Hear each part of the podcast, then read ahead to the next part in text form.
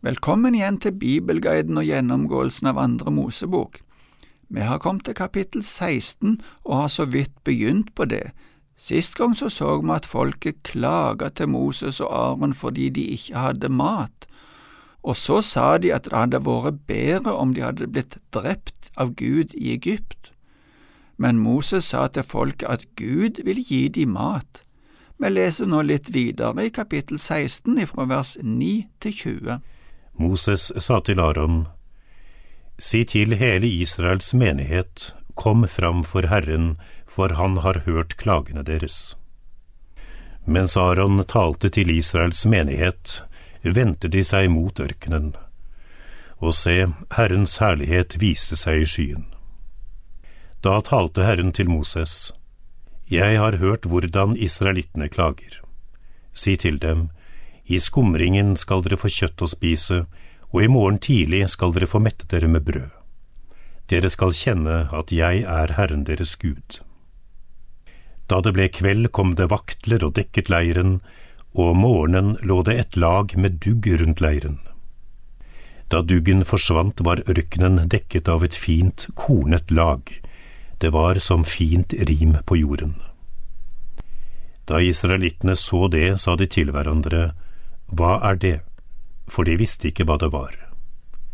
Og Moses sa til dem, Det er det brødet Herren har gitt dere å spise. Dette er det påbudet Herren har gitt.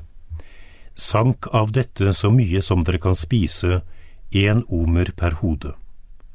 Dere skal hente til dem som bor i teltet, etter hvor mange dere er. Det gjorde israelittene. Noen sanket mye, andre lite. Da de målte det i forhold til en omer, hadde den som hadde sanket mye, ikke noe til overs, og den som hadde sanket lite, manglet ingenting. Alle hadde sanket så mye mat som de trengte.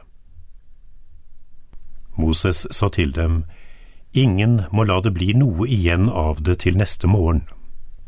Men de hørte ikke på Moses. Noen av dem lot noe bli igjen til neste morgen. Da gikk det mark i det, og det stinket, og Moses ble sint på dem.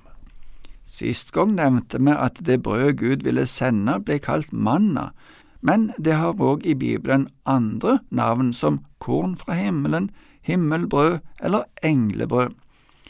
Moses hadde sagt før, og sa nå igjen, at klagen ikke var imot deg, altså mot Moses og Aron, men imot Gud. Nå fikk folket se Herrens herlighet i skya. Hva de egentlig får se, er ikke beskrevet noe mer konkret, men det gjorde de i alle fall klar over Guds majestetiske og hellige nærvær. Gud lovte rikelig forsyning med kjøtt og brød til folket. Kjøttet kom ved hjelp av en naturlig begivenhet men allikevel var det Gud som styrte det slik at disse fuglene kom akkurat over leiren på det tidspunktet. I Fjerde Mosebok i kapittel elleve ser vi en annen gang når Gud sendte vaktler, og da sendte han en så stor mengde at folket hadde kjøtt i en måned. Brødet kom neste morgen, det kom sammen med dogg, og da doggen forsvant, lå det igjen der noe som lignet på rim. Israelittene lurte på hva det var, og de sa Hva er det? Det ordet de sa for å si Hva er det? det var ordet manna, som etter dette ble navnet på dette brødet, eller kornet som brødet ble lagd av. Det målet som nevnes her, en omer, det er omtrent tre og en halv liter. Det er interessant å se at Gud ordna med det de samla slik at det stemte med det de hadde bruk for. De som hadde samla mye, fikk ikke noe til overs, og de som hadde samla lite, fikk allikevel nok. Men de måtte ut og samle det inn. Men noen prøvde å lagre noe til neste dag, men da ble det ødelagt, det stinka og det kom makk i det, står det.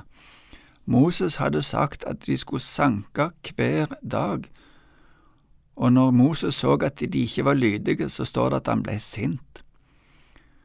Noen ganger så blir mannen sammenlignet med Guds ord, som vi må få tak i daglig, eller i alle fall ofte. Vi vil ha nytte av alt som vi tar til oss av Guds ord, og samtidig er det slik at det som vi tar til oss, gir oss den næringen som vi trenger. Her kunne vi sikkert snakket mye om dette videre, det skal vi ikke gjøre, men bare fortsette å lese. Og vi leser like godt nå resten av kapittelet. Det er det samme temaet videre, og vi leser fra vers 21 til 36. Hver morgen sanket hver enkelt så mye mat som han trengte. Når solen begynte å varme, smeltet det. Den sjette dagen sanket de dobbelt så mye brød, to omer til hver og alle lederne i menigheten kom og fortalte det til Moses. Da sa han til dem, Dette er det Herren har sagt.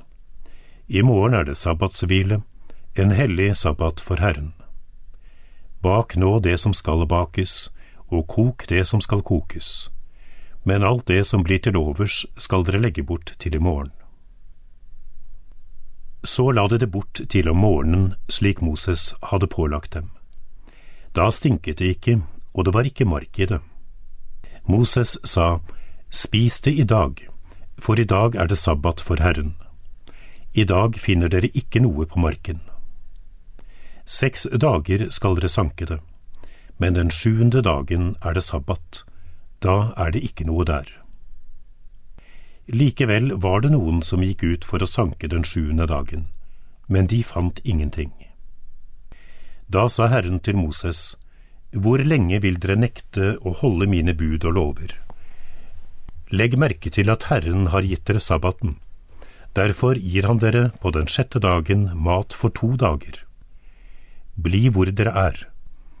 Ingen må forlate området sitt den sjuende dagen. Så holdt folket seg i ro den sjuende dagen.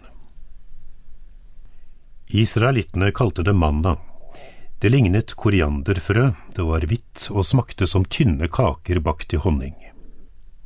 Moses sa, Dette er det påbudet Herren har gitt dere. Fyll en omer med manna og oppbevar den for etterkommerne deres, så de kan få se det brød jeg ga dere å spise i ørkenen da jeg førte dere ut av Egypt. Og Moses sa til Aron, Ta en krukke, fyll en omer manna i den, og sett den ned for Herrens ansikt. Den skal oppbevares for etterkommerne deres. Aron gjorde som Herren hadde pålagt Moses. Han satte krukken foran vitnesbyrdet. Der skulle den oppbevares. Israelittene spiste manna i 40 år, til de kom til bebodd land. De spiste manna helt til de kom til grensen mot Kanaan. En omer er en tiendedel av en efa. Moses hadde forklart hvordan de skulle gjøre det den sjette og den sjuende dagen, men det ser ikke ut til at de hadde oppfattet det helt. Først kommer lederen og sier til Moses at den sjette dagen hadde de samlet dobbelt så mye. Da svarte Moses at det var slik Gud hadde sagt det. Det var et ledd i å holde hviledagen hellig, hvis de lagra mannen ifra den ene dagen til den neste de andre dagene, så ble han ødelagt, men på sabbatsdagen skjedde det ikke noe. Mannen hadde en innebygd påminnelse om viktigheten av sabbatsdagen i israelsfolkets liv. Mannaen som ikke ble samla inn, ble liggende på marka, men forsvant snart, den smelta, står det. Noen av israelittene fikk ikke tak i poenget med sabbatsdagen og gikk ut òg på denne dagen for å finne manna, men de fant ingenting. Det kan se ut til at Gud undrer seg over at folket ikke klarer å forstå det Gud hadde sagt til dem.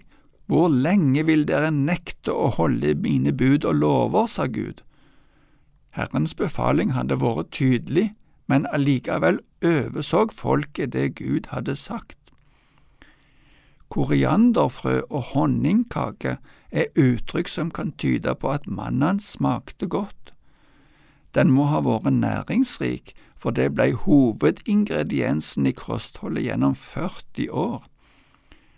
Moses tok vare på ei krukke med manna, slik at kommende slekter kunne se hvordan den maten Gud hadde gitt i ørkenen, så ut. Ikke minst skulle dette være et vitnesbyrd om den mirakuløse måten Gud hadde holdt folket i live under ørkenvandringen.